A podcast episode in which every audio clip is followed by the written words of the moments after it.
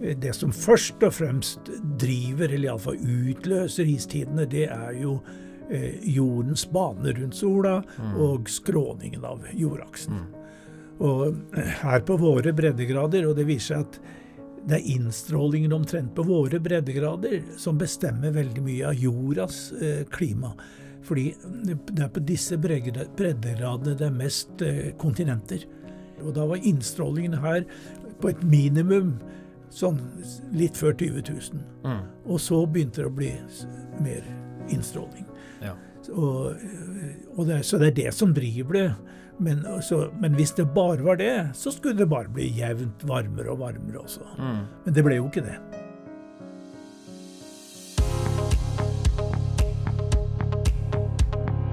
Hei og velkommen til Geologisk rapport. Dette er podkasten for deg som er litt nysgjerrig på geologi, og som vil lære litt mer om geologiens rolle i samfunnet vårt. Jeg heter Andreas Viken, og jeg er geolog. Og I hver episode så skal jeg snakke med en annen geoviter om et geofaglig tema, samtidig som du skal få bli bedre kjent med personen jeg snakker med. Og ukens gjest, det er Jan Mangerud.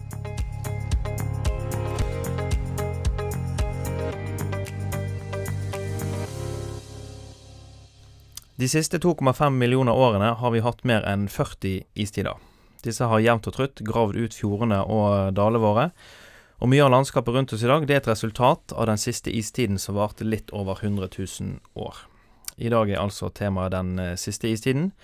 Og I tillegg skal vi snakke med en som har vært ansatt ved Institutt for geovitenskap i hele 60 år, nå i 2023. En stor varm velkomst til deg, Jan Mangerud. Ja, mange takk for det. Ja, 60 år, det er lenge. Ja. ja. det er vel nesten rekord, vil jeg tro. ja, det vil jeg tro. Vi, vi, begynner litt eh, Vi skal snakke litt om eh, karrieren din etterpå, eh, Jan. Men vi begynner litt med temaet, da, som er den siste istiden. Og så tenkte jeg vi skulle starte litt med eh, denne mellomistiden som var før den siste istiden. For i 1968 så gjør jo du en eh, stor oppdagelse som du fikk den her eh, Rausch-medaljen for av Norsk geologisk forening. For du skulle undersøke en morene på Fjøsanger i Bergen. Hva var det du egentlig fant her? Ja, først så fant jeg jo det jeg var ute etter å finne, da. En morene med skjellfragmenter. ja. Og eh, på den tiden undersøkte jeg morene med skjellfragmenter i Bergen, og de var fra slutten av siste istid. De var altså Størrelsesorden var skjellene sånn en 12 000-13 000 år gamle. Og eh, det regnet jeg jo med det var her også. Eh, så først så fant jeg det, så men så fant jeg i, i, den skjæringen, når jeg jobbet der og rensket og beskrev dette, så fant jeg noen små eh, klumper med brune sedimenter. Guttige kaller vi det på fagspråket. Og, og det var jo morsomt, fordi at den har jo andre materialer, bl.a. pollen.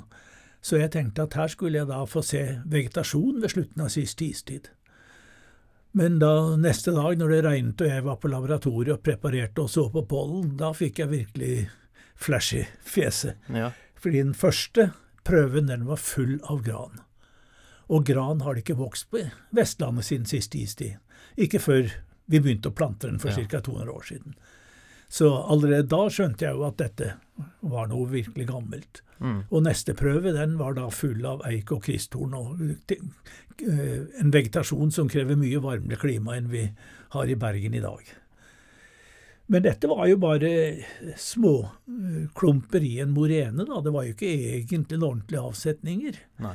Slik at uh, de følgende årene da, så fikk jeg gjort seismikk der, og og, og leita og kartla området i detalj, og, og eh, fikk faktisk også gjort noen boringer, mm. så jeg fikk klarart at jo, her var det lag under. Så i 75 satte vi da i gang med å grave ut. Ja. Så da grov vi og kjørte bort 600 biler. Altså. så du gjorde ikke det for hånd, nei? nei. Men hva er det som gjør det så liksom, sensasjonelt? Er det fordi at vi har eh, lagret, fått bevart en mellomistid-avsetning? Er det det som på en måte Ja, det er jo det som er det overraskende. Jeg som student hadde jo vi lært at eh, mellomistid-avsetninger, det fantes ikke i Norge, og det hadde jeg sjøl undervist i flere år. Ja. At eh, nei, det, isen hadde fjernet alt det. For her var det så mye iserosjon. Så mellomistidstavsetninger det kunne vi finne i sydlige Danmark og i Tyskland, men ja. i Norge fantes ikke det. Så det var jo det sensasjonelle. Og det, det enda mer overraskende var at vi fant det her på Vestlandet. Mm. For det er jo i fjordene isen graver mest. Ja. Skulle noen spurt hvor skulle det være mulighet til å finne noe, så ville nok heller tenkt på de indre dalene og fjellviddene på Østlandet. Ja, selvfølgelig. Så dette var fullstendig overraskende. Men så um, OK, mellomistid har vi der. Og så for 117 000 år siden ca. så startet den siste istiden, som varte i ca. 100 000 år. Uh, hvor stor var den uh, isutbredelsen på den uh, siste istiden? Ja, de, de, fleste, når vi snakker om siste istid, så snakker jo de fleste slik som du gjør nå, at man spør hvor stor var den. Mm. Og det kan vi se på. Men eh, la meg først si at den var størst i slutten av istiden. Mm. Bare 10 000 år før istiden slutta. Ja. Da var den på det største. Og da dekka den altså hele Norge og gikk ut til kontinentalsokkelen og kalvet ut i dyphavet, da. Mm. Og, og den, det var jo et isdekke også over Eh, over eh, Storbritannia. Og de møttes i Nordsjøen. Så det var mm. sammenhengende is fra ikke riktig så langt sør som til London, men litt nord for London. Og så var det sammenhengende is over hele Norge. Hele Barentshavet var dekket av en isbre, og, og Svalbard. Ja. Så det var hele Nordvest-Europa lå faktisk under et kjempestort isdekke. Ja. Så det største isdekket det var for ca. 20 000 ja, år siden? Ja, ca. 20 000. Men hvordan spiller sånne regionale klimaforskjeller inn? Har ikke du en sånn bre i Ural som har eh, hadde mindre utbredelse, mens de andre var på det største? Jo, ja. altså, når, når, vi hadde den største breen her på, i, i, den vestlige delen, og også i, i Nord-Amerika Breen over Nord-Amerika var jo fire-fem ganger så stor som vår. Ja. Eh, den var også vår største, da, ca. 20 000. Men Eh, østover så var det altså ikke slik. Og du spurte om Ural. Jeg, under, jeg undersøkte noe, en liten bre i nordlige Ural, langt nord for polarsirkelen. Og den var ikke stort større enn i dag. Nei. For 20 000 år siden. Men hva er grunnen til det, da? Nei, Det er først og fremst at det var så tørt. Ja, okay. For å få breer så må du også ha snø. Ja, Det var det, ja. Og det er jo de to poengene. At det, må, det, er balansen mellom snø om vinteren og smelting om sommeren. og Snør det ikke, så blir det ikke noe. Nei. Men på den annen side da, så var breene mye større østover i Russland for ca. 65 000 år siden og, og for ca. 80 000 år siden. Mm. Så, så tidligere i siste istid så var de større der. Mm. Når de ikke var så store her i vest. Ja.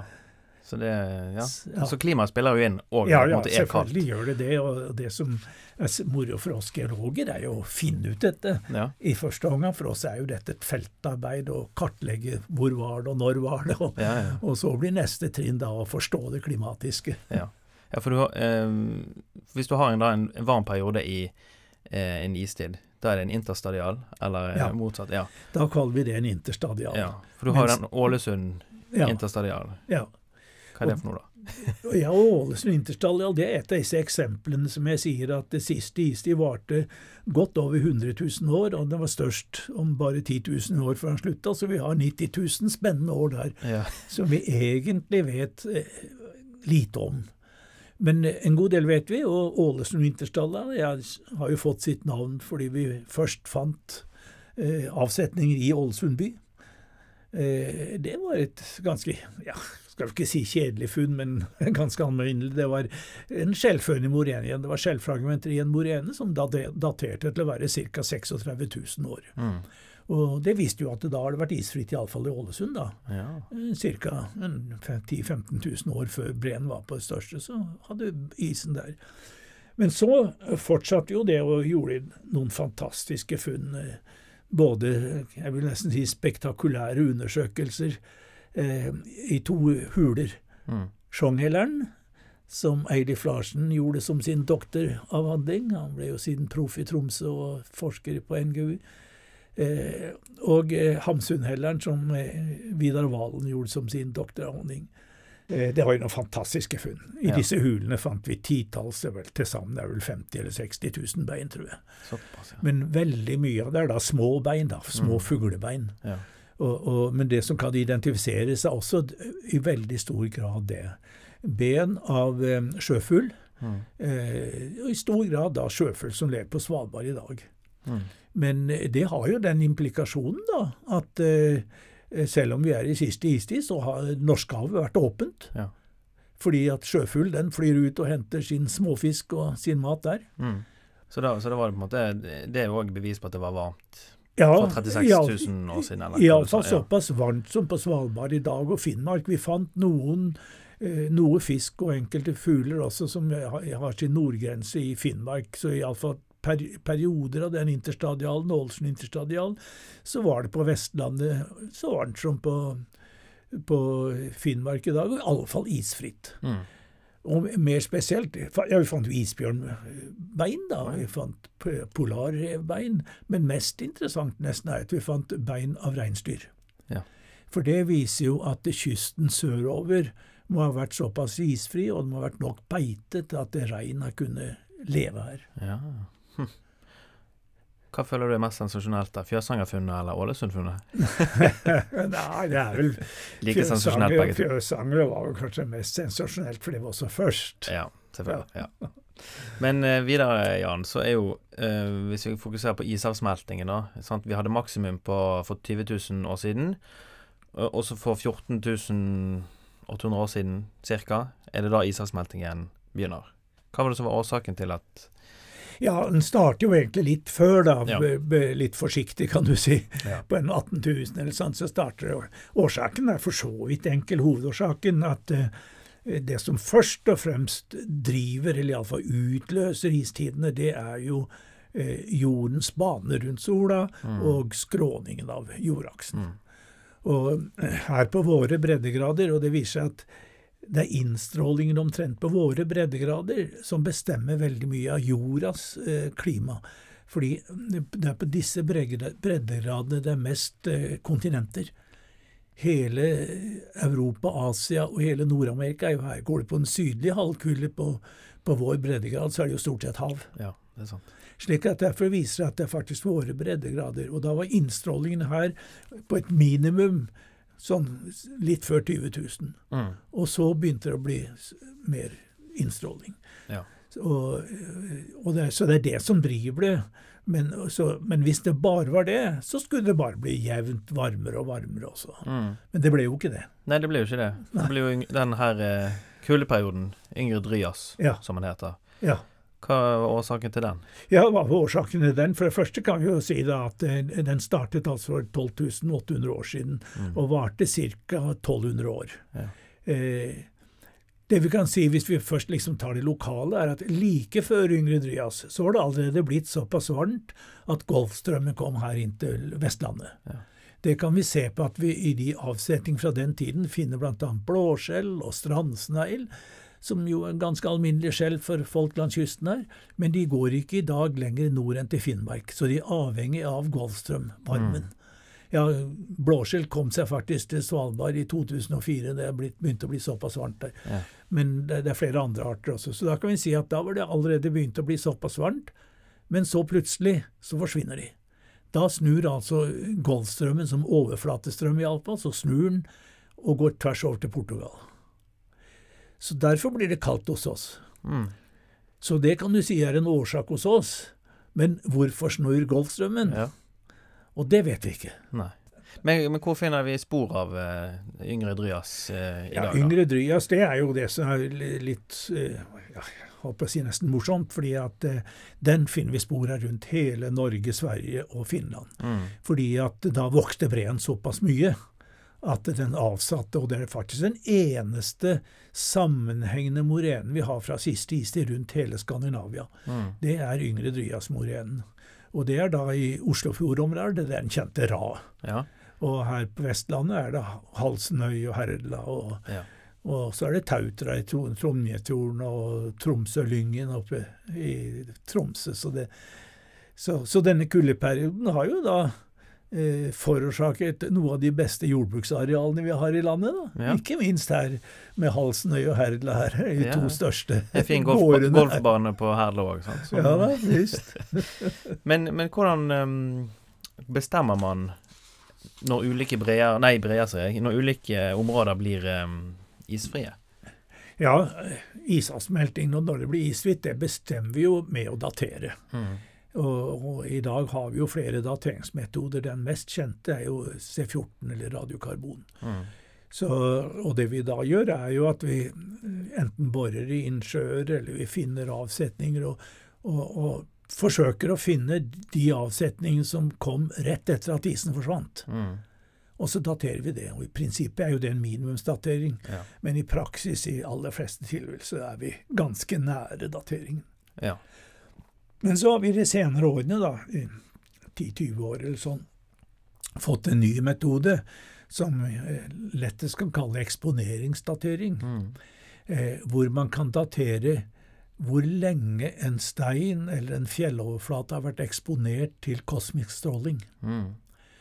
Og i denne sammenheng da kan vi si at eh, stein og store blokker som isen river med seg eh, fra undergrunn og avsetter, den skal da i teorien være nullstilt, kan du si, ja. når han blir avsatt. Og så mm. begynner han da få kosmisk stråling. Og da produseres det en isotop som kalles beryllium-10 i kvarts. Og, og, vi vet hvor fort den, vi har målt hvor fort den produseres, og da kan vi rett og slett datere når denne steinen ble avsatt foran isen. Ja, det er jo stille da. Og, det, og det du kalles jo på en måte en eh, Eller ikke på en måte, du kalles en kvartærgeolog. Ja. Hva, hva, er måte, hvordan er dette fagfeltet annerledes enn en annen geologi? Nei, først og fremst er det geologi. Ja. ja. Først og fremst er det det. Vi gjør sedimentologi og stratigrafi og paleontologi og sånn. Men, men, det er en del forskjeller. Det er ganske det er jo faktisk slik at det, det er ytterst få i Norge i dag som egentlig er kompetente til å gjøre undersøkelser både av bergarter og av kvartærgeologi. Mm. Enten de man med bergarter eller med kvartærgeologi. Mm. Så det er såpass stor forskjell. Og de viktigste forskjellene ligger i delvis at vi arbeider nærmere vår tid. Mm. Så, så, det er at det er nære vår tid, og at vi studerer mye korte tidsrom. Mm. Vi arbeider med presisjoner på ned til ti år, og i alle fall 100 år. Mm. Mens daterer man noe i Kamrosilur, så er man glad hvis man får en feilkilde på en million år. Slik at det, er nok en forskjell i ja. detalj i tid. Og så er det jo sikkert litt spennende Uh, sant? Hvis dere jobber ute i en innsjø og skal leite etter noe, sånn som du gjorde i 1983. da, Du skulle undersøke havnivåendringer etter siste istid. Og så finner du da et Var det et sandlag i denne kjernen som da var et bevis på en hendelse som skjedde for Å, uh, oh, Jeg husker ikke hvor tid det var. Men uh, da sikter jeg til det der storeggerraset. Ja. Ja, det var jo faktisk John Inge Svendsen som først oppdaget det som hovedfagsstudent. Det mm. siste han gjorde, siste dagen på feltarbeidet, så oppdaget han det. Men da, da, hadde jeg flytt prosjektet mitt til Svalbard, og han fulgte med dit, så det gikk noen år før vi gjorde noe mer med det. Ja. Eh, eh, Men er det litt gøy, det der? At du på en måte skal ut i felt, og så tenker du at ok, her skal vi bare, eh, bare sier jeg, undersøke ja. havnivåendringer, og så finner du egentlig spor etter en, en, egentlig en stor tsunami, kan en vi jo kalle det. En kjempestor tsunami. Ja. Den, den, var, den, var, ganske lik den i Indonesia her ja. i 2003, var det det, som tok livet av 300 000-400 000 mennesker. Vi har, vi har sammenlignet de, og det, det, er faktisk nesten identiske. Mm. Så det var jo en enorm hendelse. og eh, det endte jo opp med at vi kom inn i et EU-prosjekt da etter hvert på dette her, og Stein Bondevik fikk dette, som, som nå er professor i Sogndal. Mm. Han fikk dette til sin doktoravhandling. Og, og, det var jo utrolig. Det er som du sier, det, noe av det morsomste som er gjort i geologi, er jo dette her eh, Fjøsanger som var så helt uventet, og mm. Ålesund som var helt uventet, og dette tsunamien som var helt uventet. Det mm. morsomste er jo å finne det der du ikke venter å finne. Ja, det er sant. Det, og det er jo det som ofte også gir en, de største framskrittene. For når du eh, systematisk er ute og undersøker noe, så har du iallfall en hypotese, mm. og det er noe kjent. Men når du finner noe som er totalt overraskende, da, da gjør du liksom et sånn kjempesprang framover. Ja, Men hvorfor, eh, hvorfor, er det så viktig å forske på tidligere tiders klima og eh, istider? Ja, jeg sier jo først og fremst at dette er vår naturhistorie. Ja. Og jeg syns at vi skal kjenne vår naturhistorie like godt som vår kulturhistorie. Mm. Dette, er, dette er jo liksom menneskets nysgjerrighet, dette her. At vi ønsker å lære mer og, og, og kunne mer. Mm. Så det er det viktigste. Men det er klart at det, det har jo også en del eh, praktiske betydninger. Eh, det er klart vi kunne ikke forstå dagens klimaendringer uten å kjenne de naturlige klimaendringene. Så det, den bakgrunnen med naturlige klimaendringer har hatt enorm betydning for det. Mm. Og i dag er jo da dette med å rekonstruere eh, klima, i, ikke minst for siste Isis maksimum, er viktig for å teste disse klimamodellene, de numeriske klimamodellene de bruker til å forutsi hva som kommer til å skje i framtiden. For de, de, modellene de blir jo justert mot dagens klima, så det, da fungerer de. Men om de virkelig er fysisk riktige, det får man testa når man prøver på et helt annet klima. Mm, ja. Så, så, så klimafor, vår paroklimaforskning er jo også praktisk viktig, enda det som sagt, jeg, syns jo kanskje det kulturelle Rett og slett den nysgjerrigheten å vite hva som skjedde, er det viktigste. Ja.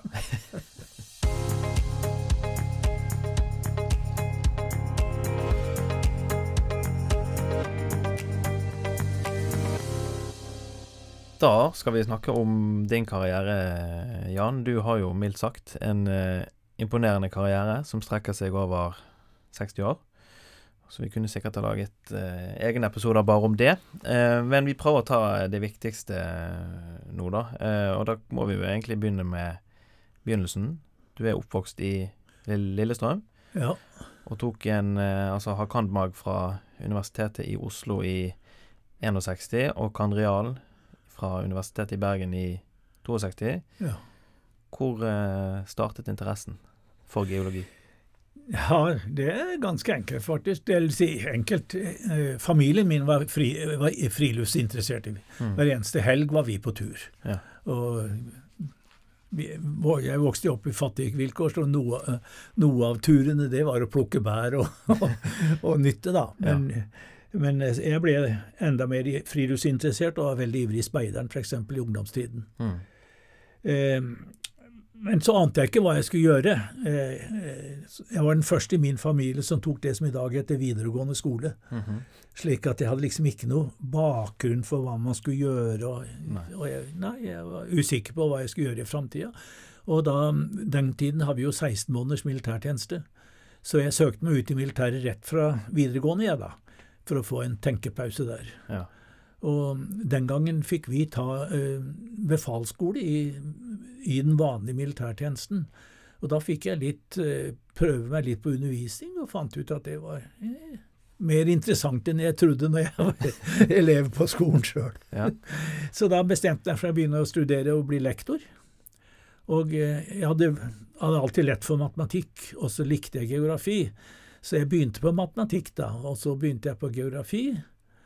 Og så, mm, på den første våren, så sto det en oppslag på både geologisk og geografisk i Oslo, de var i samme bygning, at eh, de trengte noen assistenter eh, for geologer til feltarbeid i Rondane. Og det var jo midt i blinken for meg å komme ut.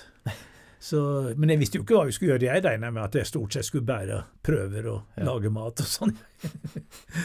men det viste seg altså at det nokså snart ble vi satt til å gjøre litt kartlegging sjøl. Ja, okay. Og det ble jeg så fascinert av. Ja. ja. Da så. vi kartla smeltevannsrenner i dalsiden der, og det vannet hadde altså for det første rent nordover, mens det i dag renner sørover. Og Frans hadde ikke rent nedover bakken, det hadde rent bortover langs bakken, lang, altså langs iskanten. da. Ja.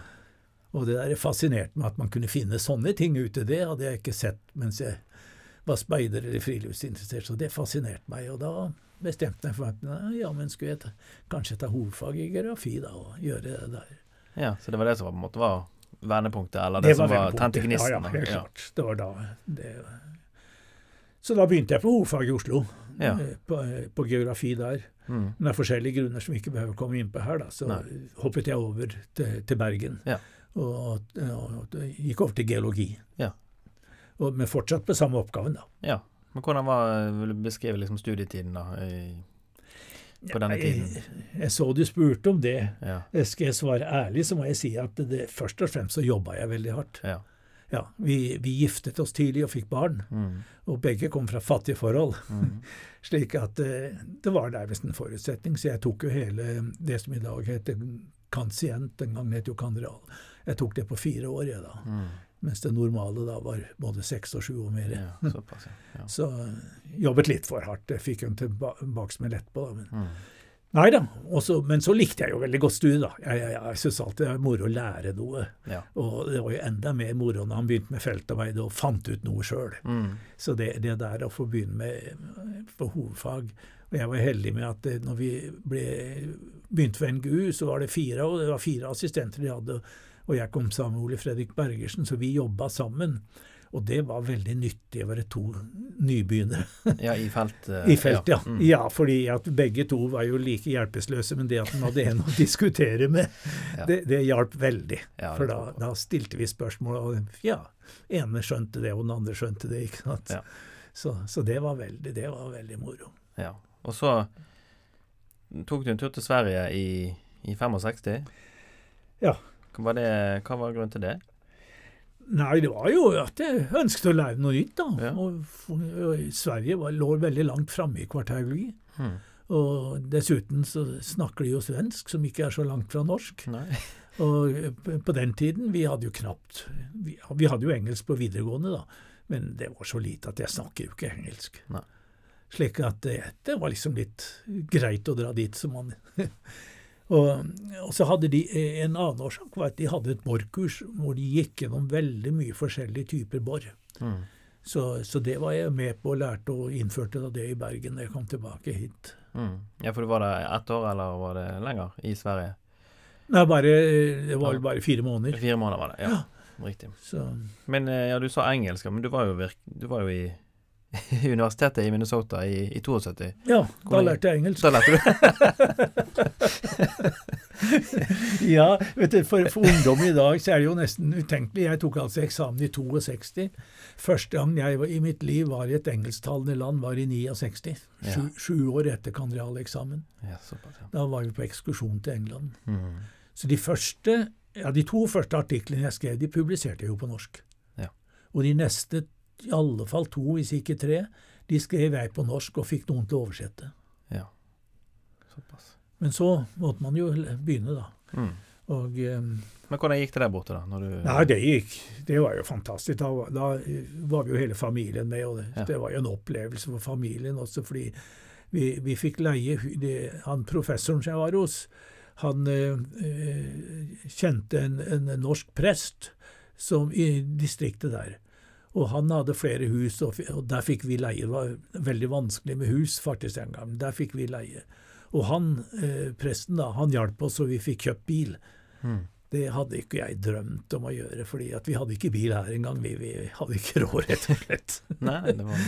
så, så, men han hjalp oss, vi fikk kjøpt en bil, og det gjorde at vi kom oss rundt og fikk se en masse. Så hver eneste lørdag-søndag var vi på tur. og så det, for familien var det også en veldig opplevelse. Mm. Og um, Hvorfor jeg ville dra til Minnesota, er at der hadde de arbeidet med å kombinere innsjøstudier og pollenstudier med uh, isavsmelting. Mm. Uh, noe av det samme jeg så vidt hadde begynt på sjøl her. Ja, sånn. Så det var årsaken at jeg ville dit. Mm. Og um, Herb Bright, som jeg var hos da, han han var den som hadde, hadde etablert der verdens ledende senter for innsjøstudier, eller pariostudier, innsjø, innsjøboringer. Mm. Slik at det var derfor jeg ville dit. altså. Ja. Men var det en del av doktorgradsprosjektet? Nei, det var faktisk ikke det. Jeg nei. leverte doktorgraden før jeg dro, jeg. Og ja. Eh, jeg leverte jo da eh, fire fire artikler, tror jeg det var. Mm. Den gangen skulle en doktorgrad avhandle egentlig være en monografi. Mm. Så det, det, det, var ikke helt velkomment, men jeg sa det at her leverer jeg dette, og så får dere slå det, avslå det hvis det ikke er bra nok. Og ja. Hvis men, jeg syns det er bra nok, så disputerer jeg når jeg kommer hjem. Ja. Og slik ble det, da. Ja, ja, ja. For du disputerte i 74? Rundt det? Ja, det måtte vel bli 73, da. Hvis 73. det var 72 jeg var, Ja, det var høsten 72 jeg var i USA. Ja. Så da disputerte jeg på vinteren 73 da jeg kom hjem. Ja. Men hva, hva var det som gjorde at du bestemte deg for å gå en, en, å ha en akademisk karriere, på en måte? Nei, jeg vet ikke om jeg skal si når jeg bestemte, eller hva jeg bestemte. Ja. Jeg, altså, etter, etter jeg tok hovedfagseksamen i 62, så tok jeg pedagogisk seminar om høsten slik at jeg var fullt utdannet lektor og hadde mulighet til å gå i skolen mm. og bli lektor i skolen. Fordi at var, da var det ikke godt på den tiden. Og ikke minst jeg snakket med geologer i Oslo, så kjente jo geologene alle geologene rundt i Norge. Mm. Og de sa ja, nå er han 65 år, så om fem år så blir det en ledig stilling der. Og han er sånn, så da blir det en ledig stilling. Så det var jo ikke mye da I slutten av 50- og begynnelsen av 60-årene så var det jo ikke stillinger. Nei. Men så, i 60-årene, begynte denne veldige veksten av universitetene. da. Mm. Så da ble jo situasjonen en helt annen. Ja. Så, så, jeg ble jo først vidt altså, så stipendiat, og i 67 så fikk jeg da en stilling som uh, amanuensis. Så det gikk vel liksom sånn gradvis uten noe sånn veldig bevisst valg, anten at jeg hele tiden hadde muligheten å hoppe av og bli lektor i skolen hvis jeg ønsket det, men mm. det fikk jeg aldri noe ønske av. Jeg syns geologien blir mer og mer morsom jo lenger jeg drev med det. ja, ja. Så du har jo på en måte vært tilknyttet universitetet ganske lenge, som vi sa innledningsvis her. da. Hvordan har liksom instituttet forandret seg på den tiden du har vært der? Ja, Den store forandringen er jo at vi er blitt så mye større. Mm. Når jeg kom dit i, i 60, så var det jo fire lærere. I dag er det vel par og 30 eller sånt mm. noe. Og, men det, det, betyr jo også at det faglige bredde er jo helt annerledes, mye større. Mm. Den gangen het jo Institutt for geologi, eller Geologisk institutt, het det faktisk. Og da var det feltgeologer. Mm. Ja, alle sammen var feltgeologer, egentlig. Så, ja, så gikk du over til noe som het A og B, var ikke det? På sikt, jo. Ja. Og det var det ble, først, så, først så gikk Jordskjelvstasjonen ut, da. Ja.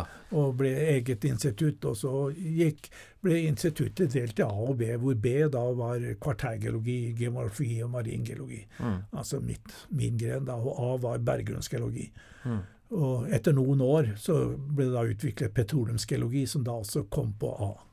Ja. Så slik var det da en del år. så men så ble vi slått sammen igjen, da. Først A og B slått sammen, og siden Jordskjelvstasjonen også slått sammen inn der. Mm. Ja, til det som ble Institutt for Institutt for geovitenskap i dag. Ja. ja. Men um, allerede i 82 så får du opprykk til professor, og så har du siden 2004 vært professor emeritus. Hva, hva vil du si har vært det kjekkeste med å være professor? Ja, La meg først si at du sier opprykk. Ja. Det var jo ikke sånn den gangen. Nei, det var kanskje ikke sånn. Ja, jeg ble professor fordi det var en ledig stilling Det var ledig, ja. som jeg kunne søke å få. Ja. Så, For i dag får du opprykk? Ja, i dag får du opprykk når du er såkalt kvalifisert. Men den gangen kunne man være kvalifisert i mange år uten å få opprykket. Ja, okay, Så ja da. Så Nei, Det morsomste å være professor, det er jo undervisningen og ja. forskningen. Mm. De to. Og eh, særlig da veiledningen av, eh, av, masterstudenter og doktorstudenter. For det er jo en, en, veiledning hvor vi jobber sammen, kan du si. Så, mm. så det, det, har jeg likt veldig godt. For mm. det er ja, for det er, det er i seg selv også forskning. Ja. ja så jeg er jo jeg, er veldig nysgjerrig av meg. Ja. Så jeg må si at liksom det, det, er jo det jeg syns jeg syns ikke bare det er gøy å finne opp noe sjøl, jeg syns det er gøy å lese ny litteratur om noe nytt som andre har funnet. Ja. Rett og slett å øke min kunnskap. I, og det er klart at det, det, er så mye man kan, slik at man må jo begrense. Og der, for meg har det da blitt kvartærgeologien, som er det jeg blitt så fascinert av. Ja, Du har jo skrevet opp mot uh, 220 vitenskapelige ja. artikler, og sikkert tilsvarende populærvitenskapelige artikler. Uh, og så fant jeg ut at du er internasjonalt uh, kjent for arbeidet med Barentskara-isdekket. Kan du fortelle litt om det? Ja, ja det, det, er jo det vi gjorde i Russland, da. Fordi at vi, det, det vil si Svalbard og Russland. Vi startet på, med rette på Svalbard. Eh, og da så vi at når vi var ferdig der, eller kommet langt der, da, så så vi at den store usikkerheten den lå i Russland. Mm. Der var de, de, russiske, eller sovjetiske forskerne sett den gangen, de var totalt uenige om utbredelsen. Ja. Så når, når Sovjetsamveldet brøt sammen da i 91, så bestemte de oss for at uh, vi skulle uh, starte der. Mm. Og det aller meste av det arbeidet er det John Inge Svendsen som har vært prosjektleder på. Ja. Det vil si jeg ledet noen av de store internasjonale over der igjen, da, som vårt gikk inn i. Men, det er Jon Inge som og Der har vi jo gjort Det viktigste er jo, som du sier, som blir kjent for det, er jo dette at vi totalt eh, omtolket eh, størrelsen av breene. Mm. Særlig at for, for 20 000 år siden så var en, lite, var en liten østover, sånn som vi snakket om tidligere i dag. Og, mens den var veldig stor tidligere i siste istid. Mm. Så, så, det der eh, var, var, et veldig viktig arbeid. Ja. ja. Så vi har drevet med altså da i hva blir det, 30 år. Vi ja. begynte i 92, og, og det siste prosjektavslutningen eh, sendte vi inn her i like etter at Russland angrep. Ukraina. Mm. Ja. Så faktisk jobbet vi i Russland hele den perioden det var mulig å jobbe der. Ja, såpass, ja. Um, du har jo over ti hedersbevisninger, deriblant denne Rausch-medaljen som vi snakket om uh, innledningsvis. Um, hvilken av disse hedersbevisningene har betydd uh, mest for deg? Nei, hva skal jeg si? Først og fremst vil jeg vel si at uh, jeg har mye mer glede av de resultatene forskningen har funnet det, mm. er faktisk viktigere for meg enn en prisene. Ja. Men jeg har jo satt pris på det. Det har jo vært for all del det er veldig moro at andre setter pris på det du gjør. Ja. Så det var jo å si. Og, ja, Røys-medaljen var veldig stas å gå, for da var jeg ung, jeg hadde også vært sjuk og liksom, ja, mm. var usikker på meg sjøl. Ja. Så det syns jeg var veldig stas å få. Det var også litt morsomt at den var foreslått av, av forskere, professorer i Oslo, slik at det var ikke mine egne som foreslo det, det var andre som hadde sett det og foreslått det. Det var moro. Ja. Og eh, ja, og Brøggerprisen var litt gøy med at den fikk jo jeg når Geologisk forening hadde 100-årsjubileum. Ja. Så det var jo en svær festlighet. så det var jo veldig artig, da. Ja, Men det er kjekt. Men hvis jeg skal si en jeg er mest stolt av, så må jeg jo si at det er Kroll-medaljen. Mm. Ja, fordi at uh, den, den er jo gitt da i Storbritannia. Det er den høyeste utmerkelsen de har i mine fag der. Og jeg er den eneste utlending som har fått det. Mm. Ja, så det, det, det syns jeg er moro. ja. Er det et, eh, også et lite karrierehøydepunkt?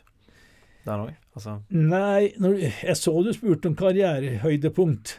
Og jeg prøvde å tenke etter hva karrierehøydepunkt er, og det er faktisk noe vi ikke har snakka om. Å, jeg er ja. spent. ja, jeg kommer på det at det er faktisk Kapp Eckholm. Ja. Det er en lokalitet på Svalbard som eh, John Inge Svendsen og jeg jobbet i i seks uker. Så mange hadde vært der før, og det var allerede kjent. Eh, men de andre hadde jo jobbet her to-tre dager. da. Dette er jo et snitt som er hva er det, halvannen kilometer langt og 30 meter høyt. Så for en berggrunnsgeolog er jo ikke dette noe stort snitt. Nei. Men det er eh, veldig komplisert. Og, og, det løste vi, og fikk veldig spennende resultater. Så i dag er det faktisk eh, Capecon-resultatene våre. Det er fundamentet for alle som siden faktisk gjør siste ISIS-stratigrafi på Svalbard. Ja. Det, det Men hva var resultatene? Altså, hva var Nei, man... For det første er det jo der en interglacial Det var for så vidt litt kjent, for det var funnet blåskjell der. Og det, som jeg sa, den har ikke levd på Svalbard på 1000 år eller sånn. Slik at det visste man at det var. Men så trodde man at det over der bare hadde vært én isfri periode, mens vi fant flere. Slik at vi, og Kapp Eckholm ligger like ved en isbre, en stor isbre, slik at når den var isfritt, så har breene på Svalbard vært eh, like små som i dag.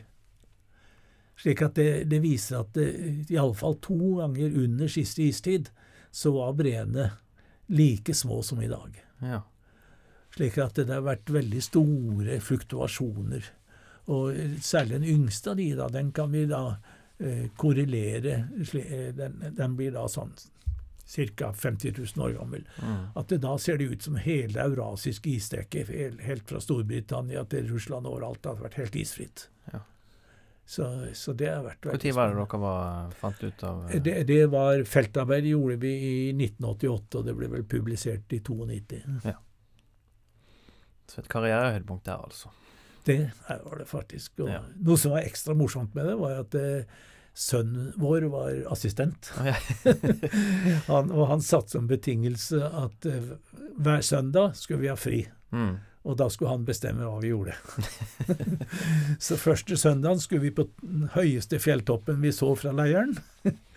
og neste søndag skulle vi til Pyramiden, den russiske byen. Mm. Og da dro vi bare inn der.